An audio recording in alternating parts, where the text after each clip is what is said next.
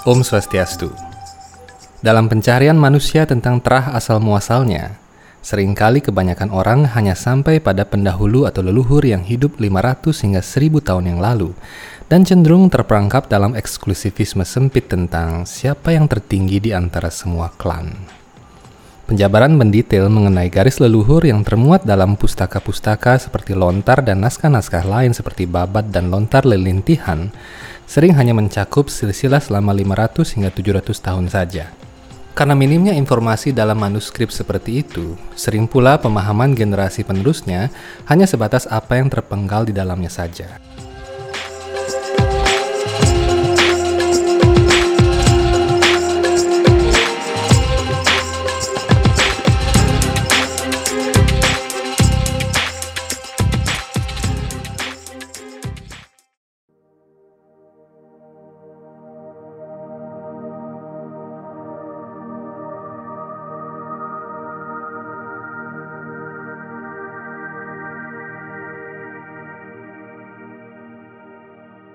Padahal jika seorang peneliti lontar memiliki wawasan yang cukup dalam dan luas mengenai silsilah, lontar-lontar seperti babat dan sebagainya sejatinya adalah sebuah pengulangan atau kutipan dari naskah-naskah Weda yang berusia jauh lebih tua.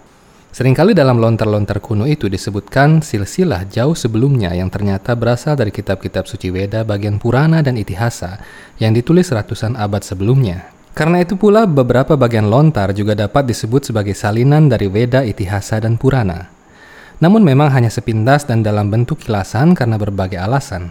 Pertama, budaya penulisan lontar di Nusantara berkembang baru pada abad ke-10 hingga ke-17. Kedua, proyek penyalinan kitab suci baru mendapat perhatian pemerintah kerajaan pada zaman Airlangga dan ketiga, lantaran terbatasnya sarana komunikasi dan informasi pada masa itu, banyak istilah, nama raja, nama tokoh atau nama tempat dalam kitab-kitab Purana maupun Itihasa mengalami distorsi lantaran terbatasnya daya ingat dan perbedaan bahasa tutur.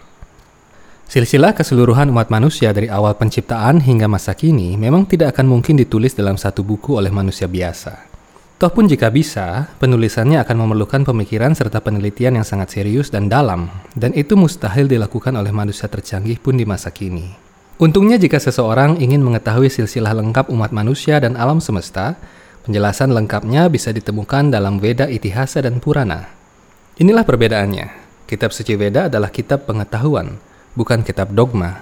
Kata Veda sendiri berarti pengetahuan, dan pengetahuan ini turun dari sumber pengetahuan yang lengkap. Dalam kitab suci Weda Bhagavad Gita, Tuhan Sri Krishna bersabda, Vedascha sarvair aham eva vedyaha. Akulah sumber segala pengetahuan dan akulah yang menciptakan pengetahuan Veda. Dengan demikian, Weda sebagai pengetahuan yang lengkap turun dari Tuhan yang sempurna. Apa pun yang turun dari kesempurnaan tertinggi adalah sempurna. Karena itu Weda tidak berbeda dengan Tuhan sendiri. Inilah sebab mengapa pengetahuan dalam Weda lengkap dan utuh serta dikemas dalam bentuk sutra, stotra, sloka, mantra, dan sebagainya yang berupa kata-kata kunci yang hanya dapat dipahami melalui pergaulan dan penyerahan diri kepada para sadu dan acarya atau guru kerohanian yang dapat dipercaya. Proses pengetahuan yang turun-temurun ini jauh berbeda dengan proses pengetahuan melalui analisis dan salin dengar. Proses pengetahuan yang diturunkan dari otoritas rohani tidak hanya melibatkan unsur daya ingat, kecerdasan, dan pemikiran, namun juga penyerahan diri dan rasa tunduk hati, sehingga pengetahuan Veda akan mengalir dan meresap ke dalam sanubari. Kitab suci Veda memuat silsilah keturunan manusia dari Manu, manusia pertama, hingga awal zaman Kali Yuga saat ini. Bahkan silsilah manusia di masa depan pun diuraikan. Beberapa bagian silsilah tersebut dikutip dalam lontar-lontar yang ditulis pada leluhur Nusantara di masa lampau. Karena itu uraian dalam lontar dapat disebut sebagai sebuah salinan sekunder dari uraian dalam kitab-kitab itihasa dan purana. Tentu saja sebuah salinan yang dibuat 1000 hingga 500 tahun yang lampau tidak seakurat mesin fotokopi masa kini. Apalagi ketika sang penulis masih harus mengingat-ingat nama-nama tempat, nama tokoh sejarah, nama-nama raja dalam itihasa dan purana yang sangat banyak jumlahnya. Berangkat dari hal itu, setidaknya kini dapat diambil kesimpulan bahwa seluruh penelusuran dan perdebatan menyangkut terah leluhur akhirnya akan sampai pada wit sang pinih mula atau asal yang sesungguhnya, penyebab dari semua yang ada dan yang tidak memiliki sebab yang lain. Setiap makhluk sedang mencari asal mulanya, tempat di mana dia tidak akan pernah menderita lagi setelah mencapainya. Orang-orang yang merantau jauh pada akhirnya akan merindukan rumahnya, Demikian pula setiap makhluk merindukan rumahnya yang sejati, asalnya yang sejati, yang disebut sebagai sangkan paraning dumadi, atau sebab segala sebab. Tujuan ajaran itulah yang dimaksudkan dan diturunkan oleh leluhur Nusantara pada zaman dahulu sehingga para leluhur yang suci tersebut rela meluangkan waktu dengan segala keterbatasan media untuk menyalin kitab suci Weda, terutama Itihasa dan Purana ke dalam daun lontar. Proyek manjawakan biasa mantra atau membahasa jawakan hasil karya Resi Vyasa merupakan proyek penyalinan Itihasa dan Purana besar-besaran pada zaman Raja Airlangga hingga Dharma Wangsa Teguh. Mereka menurunkan berbagai jenis karya dalam bahasa Jawa kuno untuk mengingatkan generasi selanjutnya bukan hanya mengenai leluhur yang hidup 500 tahun yang lalu, namun juga leluhur yang menerima Veda, yaitu para Saptarisi, leluhur manusia, yaitu para Manu, leluhur para makhluk hidup lain, yaitu para Prajapati, hingga Dewa Brahma sebagai pencipta, dan pada akhirnya kembali kepada Tuhan sendiri. Sekelumit kisah garis keturunan selama 20 hingga 30 generasi dalam babat atau cerita Panji hanyalah sebuah pancingan bagi kita untuk mulai mencari benang merah dan menemukan leluhur paling awal yang menurunkan segenap makhluk hidup, yang merupakan ayah dari seluruh alam semesta. Dangyan Nirarta, seorang pujangga dan pendeta besar abad ke-15 menulis, Tengah itu samwacana gagonta, patilaring atmeng tanu paguroken. Pada usia 50 tahun, berpeganglah pada isi kitab suci. Pelajarilah bagaimana cara roh meninggalkan badan. Dalam ayat tersebut, tujuan hidup sebagai manusia adalah bagaimana cara lepas dari keterikatan badan dan mencapai rumah yang sejati, rumah Atma, yaitu di alam rohani. Ini adalah ajaran leluhur kita 500 tahun yang lalu, dan itu menandakan bahwa leluhur kita juga mencari tingkatan yang tertinggi, yaitu asal mula yang paling awal, karena itulah Tuhan disebut sebagai sangkan paraning dumadi atau sebab segala sesuatu yang ada, satyatan pinarah atau kebenaran mutlak, serta satyam param atau kebenaran tertinggi. Dalam bahasan pokok ini, kita akan mengulas sekelumit tentang pengawit atau pendahuluan lontar babat Brahmana Catur yang aslinya ditulis 500 tahun yang lampau di desa Mas oleh salah satu keturunan Dangyang Nirarta. Terlihat di kolofon lontar Kang Asrama Reng Raja Gora yang berarti di asram di wilayah Mas. Kemungkinan itu adalah pasraman sang pendeta pada masa pemerintahan dalam Watu Renggong. Lontar ini hanya salah satu contoh dari ratusan lontar yang memuat sejarah dan silsilah umat manusia. Dalam lontar ini, memang kebanyakan dibahas mengenai silsilah raja-raja dan para pendeta Jawa kuno, namun pada bagian awal dapat diselidiki lebih lanjut mengenai silsilah nun jauh sebelumnya, yaitu pada zaman Manu. Dalam lontar Brahmana Catur halaman 3a, disebutkan mengenai situasi ketika kiamat. Kunang riwekasan tikang mahaloke. Si negara desang yang Agni Rudra. Basmi buta tikang trimandala. Wastu sunya maneng angaluung. Peteng pepet tikang buana kabeh. Sari ke puasir batar eke buana anuduh sang hyang catur muka. Amerdiakan tikang mahaloka. Sampai di batas maharloka alam semesta dibanjiri oleh api dari rudra sehingga ketiga alam yakni bur, buah, dan suar dilebur. Lalu semuanya menjadi sunyi dan gelap gulitalah seluruh tiga dunia. Tuhan penguasa alam semesta memerintahkan Caturmuka atau Dewa Brahma untuk menciptakan alam kembali. Dalam penggalan lontar tersebut dinyatakan bahwa Tuhan memerintahkan Dewa Brahma untuk menciptakan kembali alam semesta. Dewa Brahma juga bernama Caturmuka karena memiliki empat kepala. Dalam kitab-kitab Purana dijelaskan bahwa setelah lahir dari pusar Sri Wisnu, Dewa Brahma melakukan meditasi selama 100 tahun. Di akhir meditasinya, Sri Wisnu dalam wujud Narayana muncul di hadapannya dan memerintahkan Brahma untuk memulai proses penciptaan. Jadi yang dimaksud Sira Bhattara Eka Buwana yang menyuruh Dewa Brahma untuk memulai proses penciptaan tiada lain adalah Sri Wisnu atau Narayana sendiri yang berbaring di badan ular Anantasesa di lautan Garba di dasar alam semesta. Dalam Weda Padma Purana dinyatakan bahwa setiap akhir satu kalpa, sekitar satu hari Brahma atau sekitar 4 miliar 320 juta tahun manusia, akan terjadi pralaya sebagian alam semesta. Bagian alam semesta yang dilebur adalah Burloka, Buharloka, dan Swarloka. Sementara itu susunan planet di atasnya yakni Mahaloka, Janaloka, Tapoloka, dan Satyaloka tidak ikut dilebur. Pada saat peleburan, napas api dari ular Anantasesa yang berada di lautan Garba menyembur hingga Swarloka dan membakar segala sesuatu menjadi abu. Kemudian air lautan Garba di dasar alam semesta naik dan membanjiri seluruh sistem planet Patala hingga Swarloka dan melarutkan segala sesuatunya. Dijelaskan dalam Veda Srimad Bhagavata Purana, karena tidak tahan akan panas api peleburan, para dewa dan resi yang selamat mengungsi ke sistem planet yang tidak dilebur untuk beristirahat selama malam hari Dewa Brahma, yakni sekitar 4,32 miliar tahun manusia.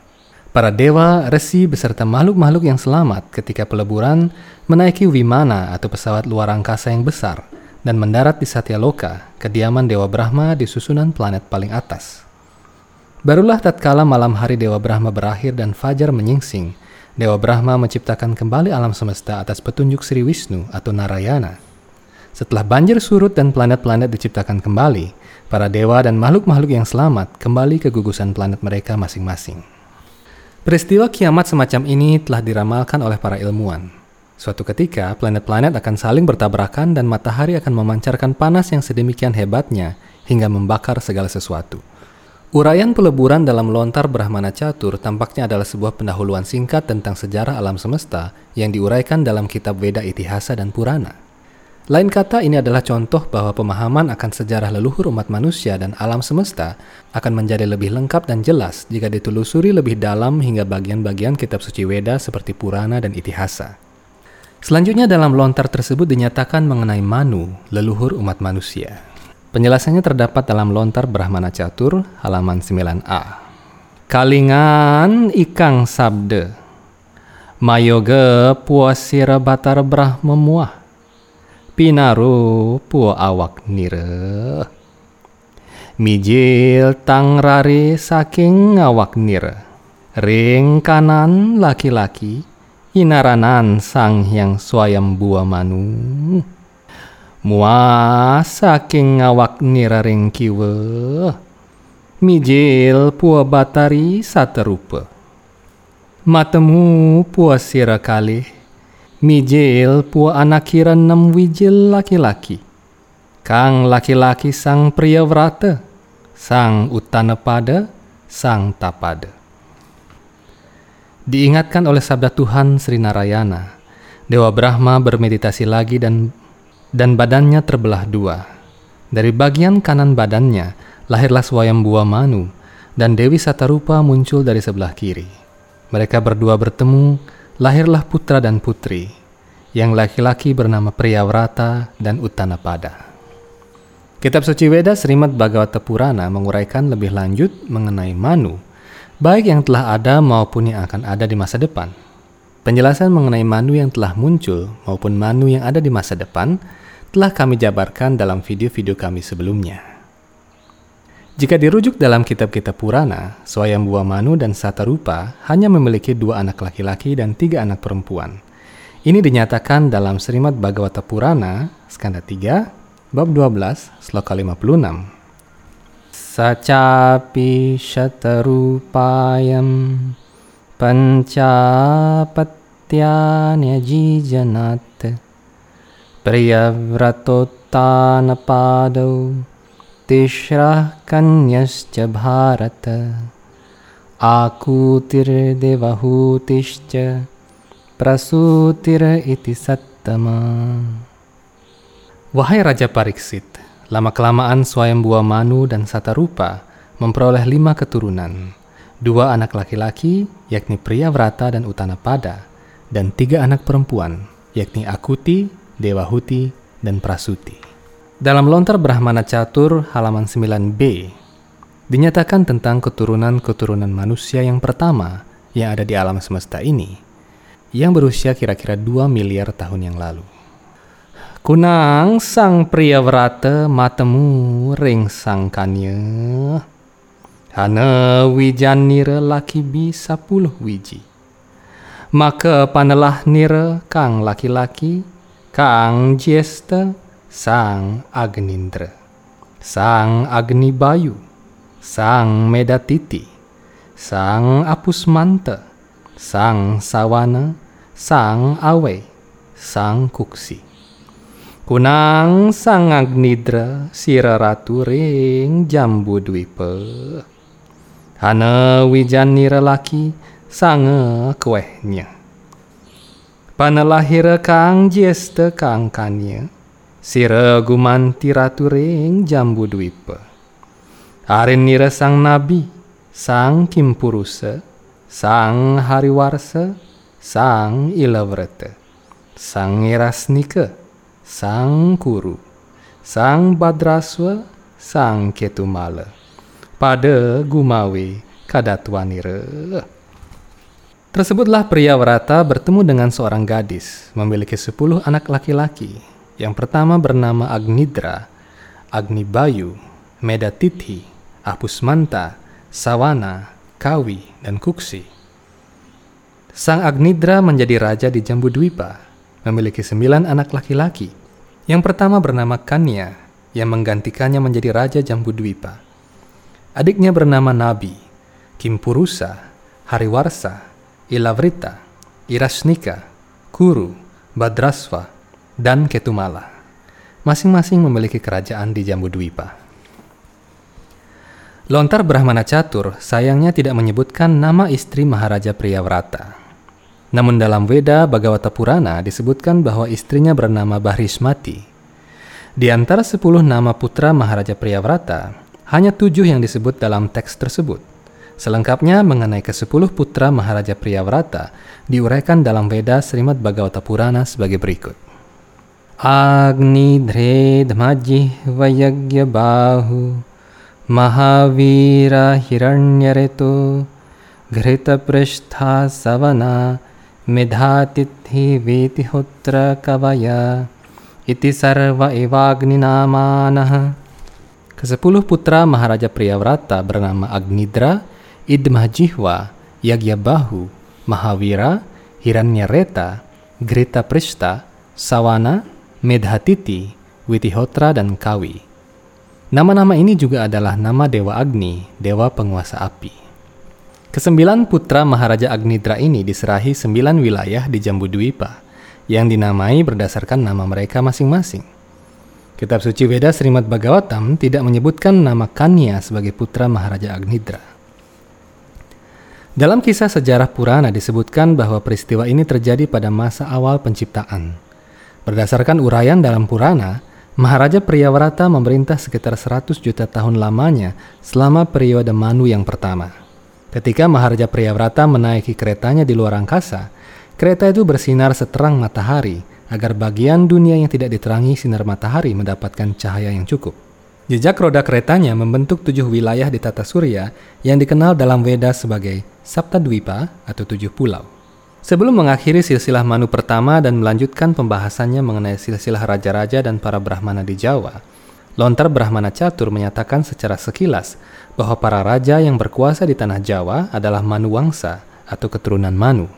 Pire kuang antajinikang kale pasile silih ning terah yang Manu Wangsa saking Sri Maharaja Dharma Sute. Riwekasan madag Sri Buminate ring Jawa Dwipa. Ring dahanagara. Manuang sepuasira, sampun anggas talingga, tekeng maharaja buminata, mangke tumakeng puaya yoganikang rat. Entah berapa lama sudah waktu berlalu, silih berganti terah keturunan Manu dari Maharaja Dharma Wangsa atau Yudhistira. Pada akhirnya naik tahtalah seorang raja di Jawa Dwipa, di Dahan Nagara, yang juga adalah keturunan Manu, yang telah mencapai kesempurnaan, yakni Maharaja Bumi Nata, yang kini menghadirkan tentramnya dunia.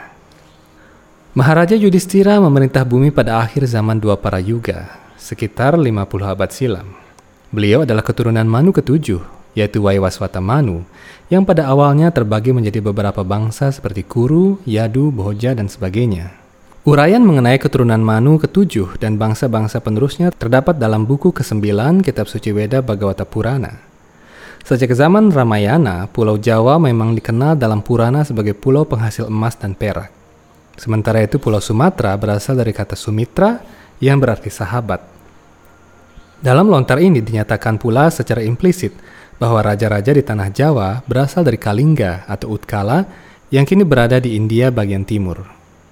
Kerajaan Utkala disebutkan dalam kitab suci Weda sebagai tanah suci Purusota Maksetra, tempat berstananya arca Tuhan Sri Jagatnata, penguasa alam semesta.